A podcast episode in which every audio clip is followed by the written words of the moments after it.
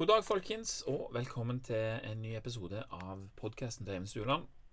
Jeg har jo ganske mange ganger snakket om sosiale medier og teknologi, og at det kan være lurt å begrense eksponeringen av det, eller finne ut hva som er fordelen, for så å unngå ulempen osv. Og, og nå skal jeg gjøre det igjen.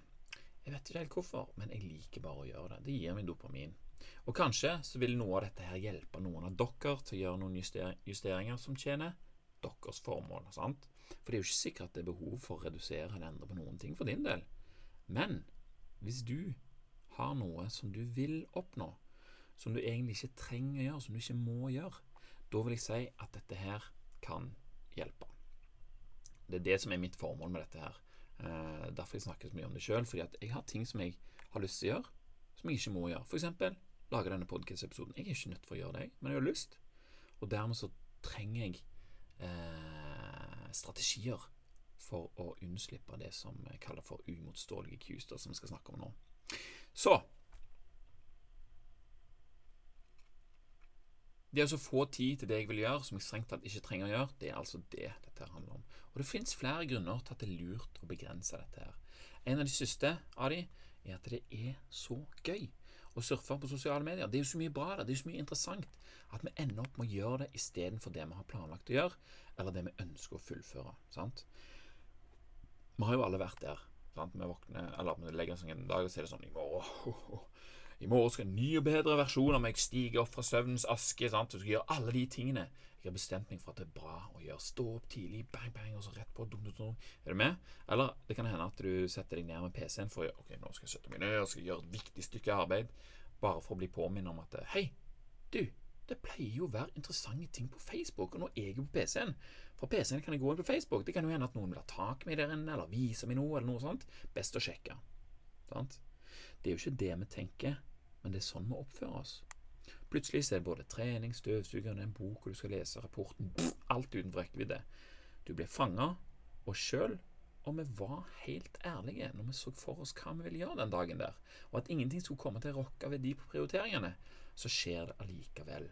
Vi er ikke så flinke til å se for oss de tingene som kan stå i veien. sant? Det er lett å se for seg fremtidens jeg som en supereffektiv og rasjonell versjon av nåtidens deg. Sant? Men det er nærmere sannheten at du òg i morgen kommer til å ha de samme utfordringene som gjorde at du i dag sløste vekk timevis på billige hormoner. Kampen om oppmerksomheten din den starter jo idet du våkner den. Det er kun dit oppmerksomheten går. Det skjer ting. Og hvis oppmerksomheten går til sosiale medier på telefonen eller på PC-en, så blir det ikke gjort noe annet så lenge oppmerksomheten er der. Og belønningen du fikk for å gå der, sørger for at du vil tilbake. Så hvis du starter med dette om morgenen, da, så øker du da selvfølgelig sjansen for at du vil fortsette med det utover dagen. Det blir iallfall mer krevende å, å, å, snakke seg ut av å gjøre det. Sant? For når du først er inne, så kan det være lurt å være klar over at det er litt som å være en likbleik backpacker på vei ut fra en money exchange en eller annen plass nærme ekvator i en by full av hjelpsomme personer med gulltenner. Alle er hjelpsomme, og de vil vise deg det du vil se, men det er verdien, det er verdien du symboliserer de er ute etter. Sant? Oppmerksomheten er din, og du kan velge å gi den til hvem som helst. Men det er krefter i sving som vil at du skal gi dem til de, og de er villige til å gå langt. De betaler til og med for det. Sant? Eh, de betaler ikke deg, men de betaler noen andre. De som har vært så dyktige og funnet ut at det kan lages et virtuelt system som er så tiltalende for vår biologi at vi samles i horder verden aldri tidligere har sett maken til. Facebook, eksempel, 2,38 milliarder månedlige brukere nå i, i 2019. Satt vel, så du, altså en ting er du kan, du kan lure én person for 10 000 kroner, men hvorfor skal du gjøre det når du kan lure Lure og lure, jeg trenger ikke kalle det det heller, men iallfall få én krone ut av en million folk. Hvem bryr seg om å miste ei krone? Det er ingen som gjør det. Og dermed så er det enorme penger å tjene på å lage systemer innenfor denne arenaen med 2,38 milliarder potensielle Ja, du kan vel ikke kalle det kunder. De kundene er jo de som betaler for reklamen. Men Uansett, da, så tror jeg du skjønner poenget mitt. Og Det kan bety at Facebook altså I og med at det er 2,38 milliarder månedlige brukere, så betyr jo det at Facebook vet hva mennesker liker, og er i stand til å gi dem det uten at brukerne trenger å yte noe særlig innsats for å få det. De vet hva vi liker som en art, sant? Homo sapiens. Og det er jo det som vi har til felles, alle sammen. I tillegg så vet de hva vi liker som individer, for det har jo vi fortalt dem ved å utføre de handlingene som vi gjør når vi er der inne. Og selv om vi ser helt bort fra likes og delinger, som det ofte snakker om eh, i forhold til dette her, er vi fremdeles sjanseløse. Vi får dopamin av å se nye ting vi ikke har sett før. Vi får dopamin av å se ting vi har sett før, som vi husker at vi likte. Og vi får serotonin av å se bilder av noen som vi kjenner. Og, og disse tingene, Dopamin, og serotonin, oksytocin, oksytocin, det er jo det som er lykkehormonene. Og det er det vi får i bytte for oppmerksomheten vår. Det er betalingen vår. Pent innpakka som glede, men det er ikke noe inni pakken. Vi opplever at det ikke koster oss noen ting, eh, samtidig som vi opplever at vi får noe. Vi får hormoner som det under andre omstendigheter er krevende å få produsert. Sant? Det er billig glede, dette her. Og hvorfor skulle ikke vi kunne nyte billig glede? Fordi sammenlignet med det virkelige liv, så er disse belønningene her uten substans. Fordi det er feige lag, og vi som vet mindre, blir utnyttet av de som vet mer enn oss. Sant? Vi føler det vi som får betalingen, i glede, Samtidig så ender vi opp med å ikke få gjort det vi vil gjøre. Og det blir den reelle kostnaden.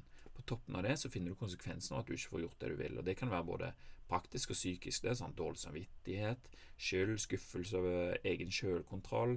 Kanskje du ikke har fått gjort det du skal til i morgen, så du kommer på jobben og er helt stressa for du skal presentere noe som du ikke er godt nok forberedt på. Sant? Dette kan være følgen av dette. Det sliter jo på et menneske. Vi er ikke i stand til å intuitivt å skjønne verdien av vår oppmerksomhet. Men vi er derimot i stand til å gripe muligheten til å gi vår oppmerksomhet til det som er spennende, det som er nytt, det som beveger seg, det som har visse farger, lyder og lukter, samme hva det er. Det er alltid en mulighet for at det kan være nyttig å få det med seg. Det er sånn vi er innstilt. Vi er overlevd fordi vi er villige til å ta imot alle slags muligheter, samtidig som vi ikke kan fordra følelsen av å skuffe noen. Sant? Vi vil vite hva det er som er så morsomt eller spennende, og vi vil at de rundt oss skal være trygge på oss. Vi vet ikke forskjellen på en nær slektnings forslag om å bli med på en tur, og en datamaskin som sier at han blir lei seg når du melder deg av nyhetsbrevet hans. Sant? Vi vet jo forskjellen, men vi opplever det sånn. Vi vil ikke skuffe noen av dem, og det er sånn vi føler det instinktivt. Det kan gjøres om, men da må vi bruke fornuften, og den er ikke alltid like enkel å få i gang. Han er lat, egentlig, og vil bare sette i gang om han får kraftig nok beskjed. Det er det som er system to. Ellers så er mye opp til system 1, som tar det han ser og føler for gitt. Sånn virker vår underbevissthet og instinkter. De har gjort en enormt god jobb for oss i tusenvis av år, helt til vi havna i den mest absurde evolusjonære mismatch-situasjonen noensinne, som er sånn som vi lever i dag. Informasjon overalt, og mye av det har som hensikt å kapre oppmerksomheten din ved bruk av sånne uimotståelige cues. Da. Og Uimotståelige cues baserer seg på signal og triggere som vi reagerer på fra naturens side. Vi har naturlige cues eller triggere som f.eks. å gå for en fargerik frukt. Fargen sier oss at høy, dette kan være næringsrikt. Smaken bekrefter det. Ok, good. Da spiser du eplene. Rått kjøtt lukter ikke så mye og er ikke så innbydende som f.eks. stekt kjøtt. Stekt kjøtt er mye lettere for oss å fordøye og hente ut næringsstoffer fra, og de som kjente vann i munnen når lukten av stekt kjøtt omfavna de, overlevde oftere enn de som ikke gjorde det. Sant? Beklager alle veganere, det er ikke meningen å gjøre dere ille til mote, men vi kan heller ikke late som om det ikke er sånn vi utvikler oss. Og fra, jeg skal med glede endre mening hvis noen kommer med veldig overbevisende um, argumenter for at, uh, at det ikke er sånn. Da. Men, men det, det, det, er sånn de sier det nå, iallfall. Uimotståelige cues er når flere av disse triggerne her blir aktivert gjennom én en eneste opplevelse. Sant? At de ligger oppå hverandre. Eller når et, Q, et vanlig Q er blitt overdrevet i forhold til det vi er vant med å se. Sant? En fugl, f.eks., som ligger på rær, så, så, får de et stort, men falskt egg i redet sitt, kan ende opp med å gi all sin oppmerksomhet til det egget. Det store, fine egget. Hun blir trigga av det. Det er uimotståelig Q som ender opp med at hennes egne unger ikke overlever, for hun bryr seg bare om dette her flotte egget. Sant? Hvis vi spiser kun hvis vi lukter stekt kjøtt, å, så, spi, å, så, spiser vi stekt kjøtt, så blir vi egentlig ganske fort mette. Hvis vi har lagt oss, eh, kokt oss en hel haug poteter og spiser bare det, så blir vi òg ganske fort mette. Hvis vi spiser kun smør, så begrenser det seg sjøl. Vi blir kvalme, eller vi, får nok, liksom. Kroppen skjønner at vi trenger bare en viss mengde av enkelte ting. Og det er jo sånn vi holdt på når vi bodde i naturen i gamle dager. Jeg fant en ting, spiste den, fant en ting, spiste den, og osv.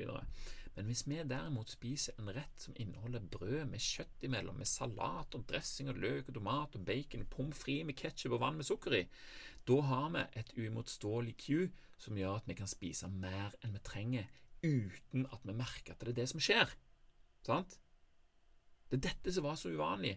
Eh, dette var så uvanlig i naturen at noe genetisk forsvar mot for mye mat av høy kaloritetthet eller for mye informasjon aldri har vært et tema.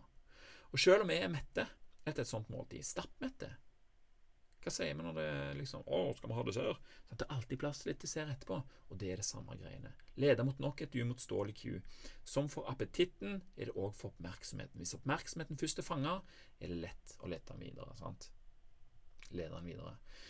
I en av mine favorittbøker, 'Thinking Fast and Slow', så lærer vi om det som er forskjell på uh, Vi lærer at det er forskjell på om man bruker system 1 eller system 2. Og Jeg pleier å fortelle et uh, veldig godt eksempel. Altså, du kan lese boka, selvfølgelig. Det er jo det aller kjekkeste. Men jeg lagde òg en liten episode av den ene delen fra boka. Jeg husker ikke hva nummer det var, men kan, jeg tror den heter bok 'Thinking Fast and Slow'. Men uansett, i boka så er det et veldig godt eksempel som klarer forskjellen på system 1 og system 2. For det var to grupper med studenter som fikk en oppgave. Første, første gruppa fikk altså oppgaven der det sto på et ark at eh, i et vann er det, vokser vannliljer. Og vannliljene de dobler seg i areal hver dag. På 48 dager så har det fulgt hele vannet. Hvor mange dager tar det å fylle halvparten av vannet?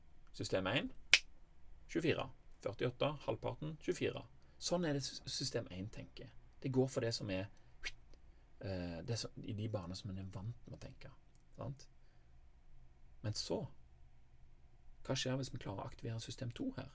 Den neste gruppa fikk spørsmålet akkurat det samme som sto på papiret, men skrifta var litt sånn blurry, eller litt sånn uklar, som gjorde at den personen som leste det, måtte konsentrere seg litt. Bare det å rynke litt på pannen, så har du allerede system 2 på gang, og de klarte jo da i mye større grad å skjønne at det tok 47 dager å fylle halvparten av vannet. For det dobler seg jo hver dag.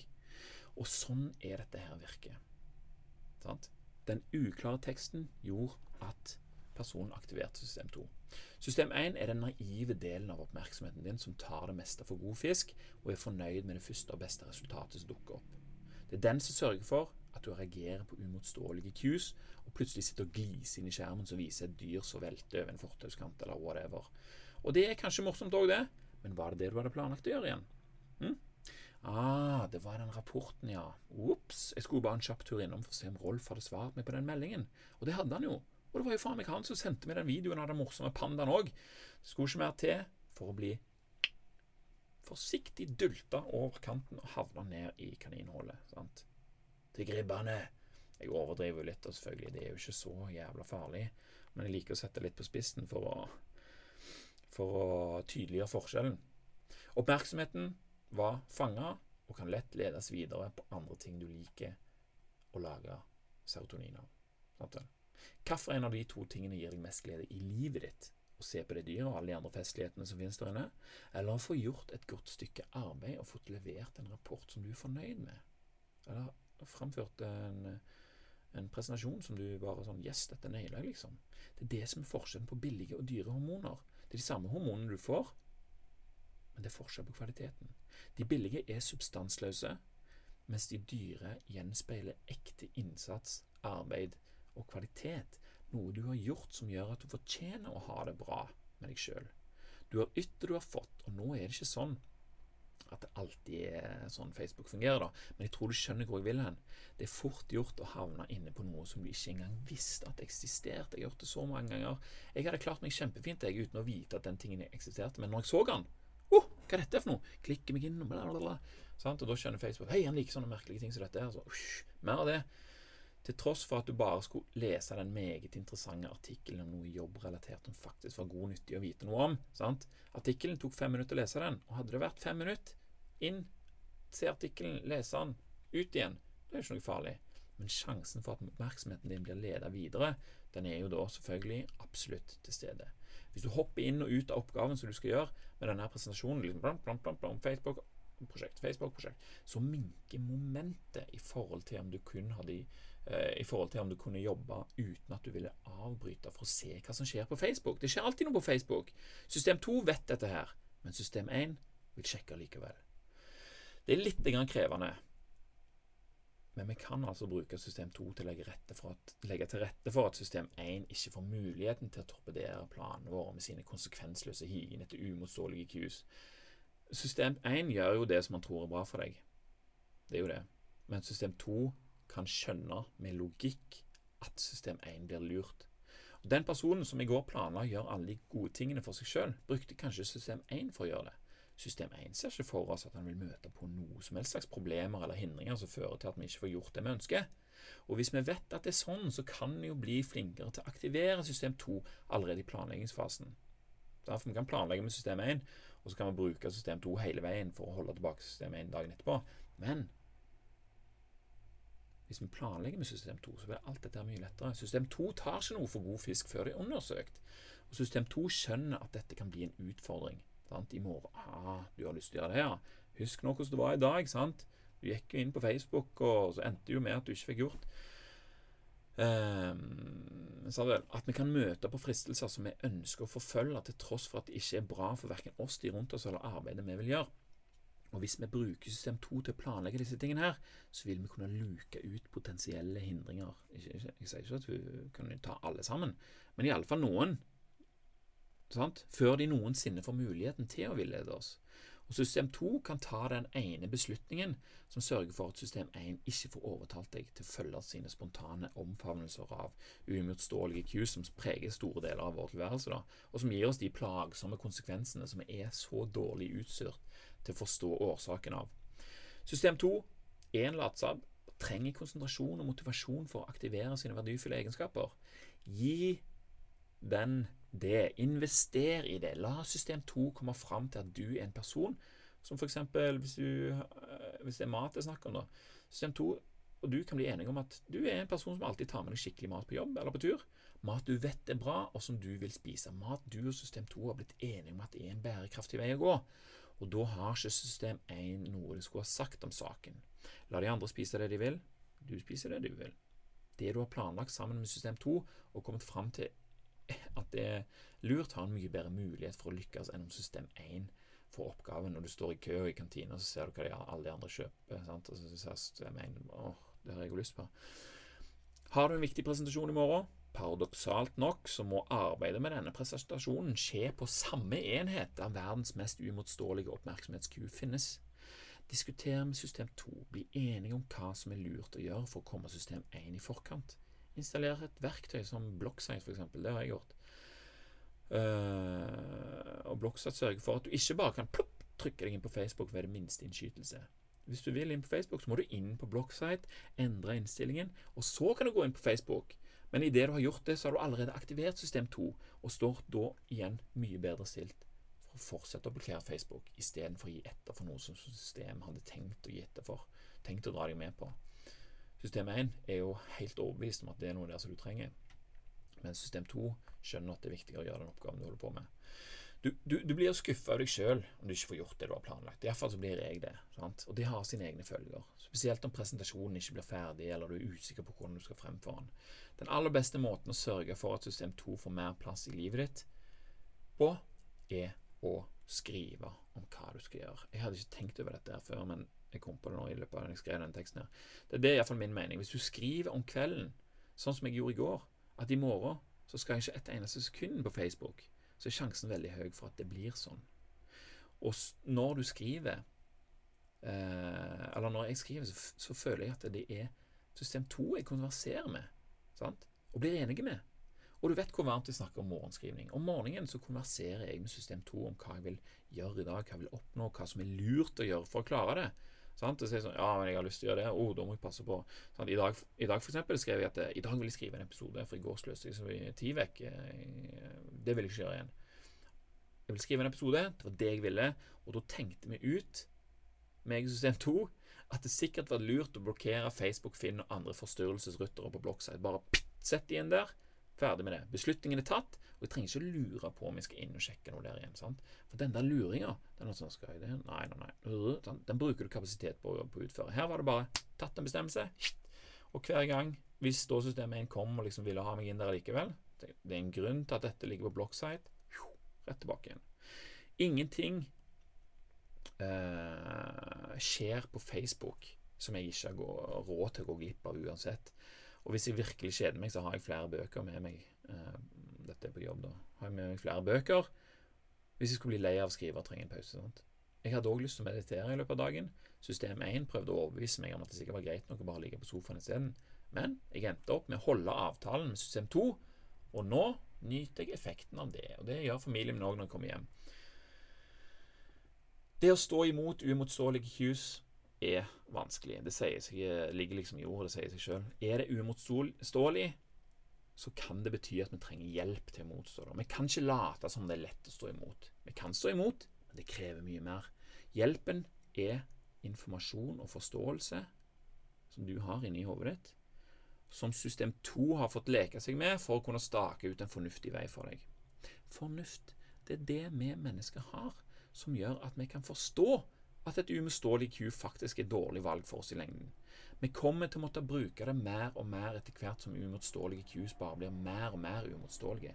Hvem hadde sett for seg melkesjokolade med Oreo, Quick og Smil for 15 år siden? Og hvordan i alle dager skal vi klare å stå imot når de i tillegg koster 100 kroner for fire stykk? Det er super-Q sitt, det. Og det er òg mindre enn 15 år siden vi begynte med touchskjerm og sosiale medier. Og når 2,38 milliarder bruker Facebook hver måned, så sier det sitt om kraften til dette uimotståelige kuet. Lat oss bruke det med måte, folkens. Det er vel egentlig det jeg prøver å si. Vi er bedre tjent med å kunne se et super-Q for det det er, og på den måten så kan vi uskadeliggjøre det og heller oppnå flere av de tingene som vi vil oppnå, som er i stand til å gi oss belønning med substans som vi vokser av, og som vi òg kan nyte i ettertid. Altså gir oss nye evner, bedre evner, gir oss alt det som varer mye lenger da, enn å sitte og le litt av noe morsomt som skjer på Facebook. Og det var det jeg ville si om den saken i dag. Tusen takk for deg som eh, hørte på. Tusen takk for meg, og så snakkes vi neste gang.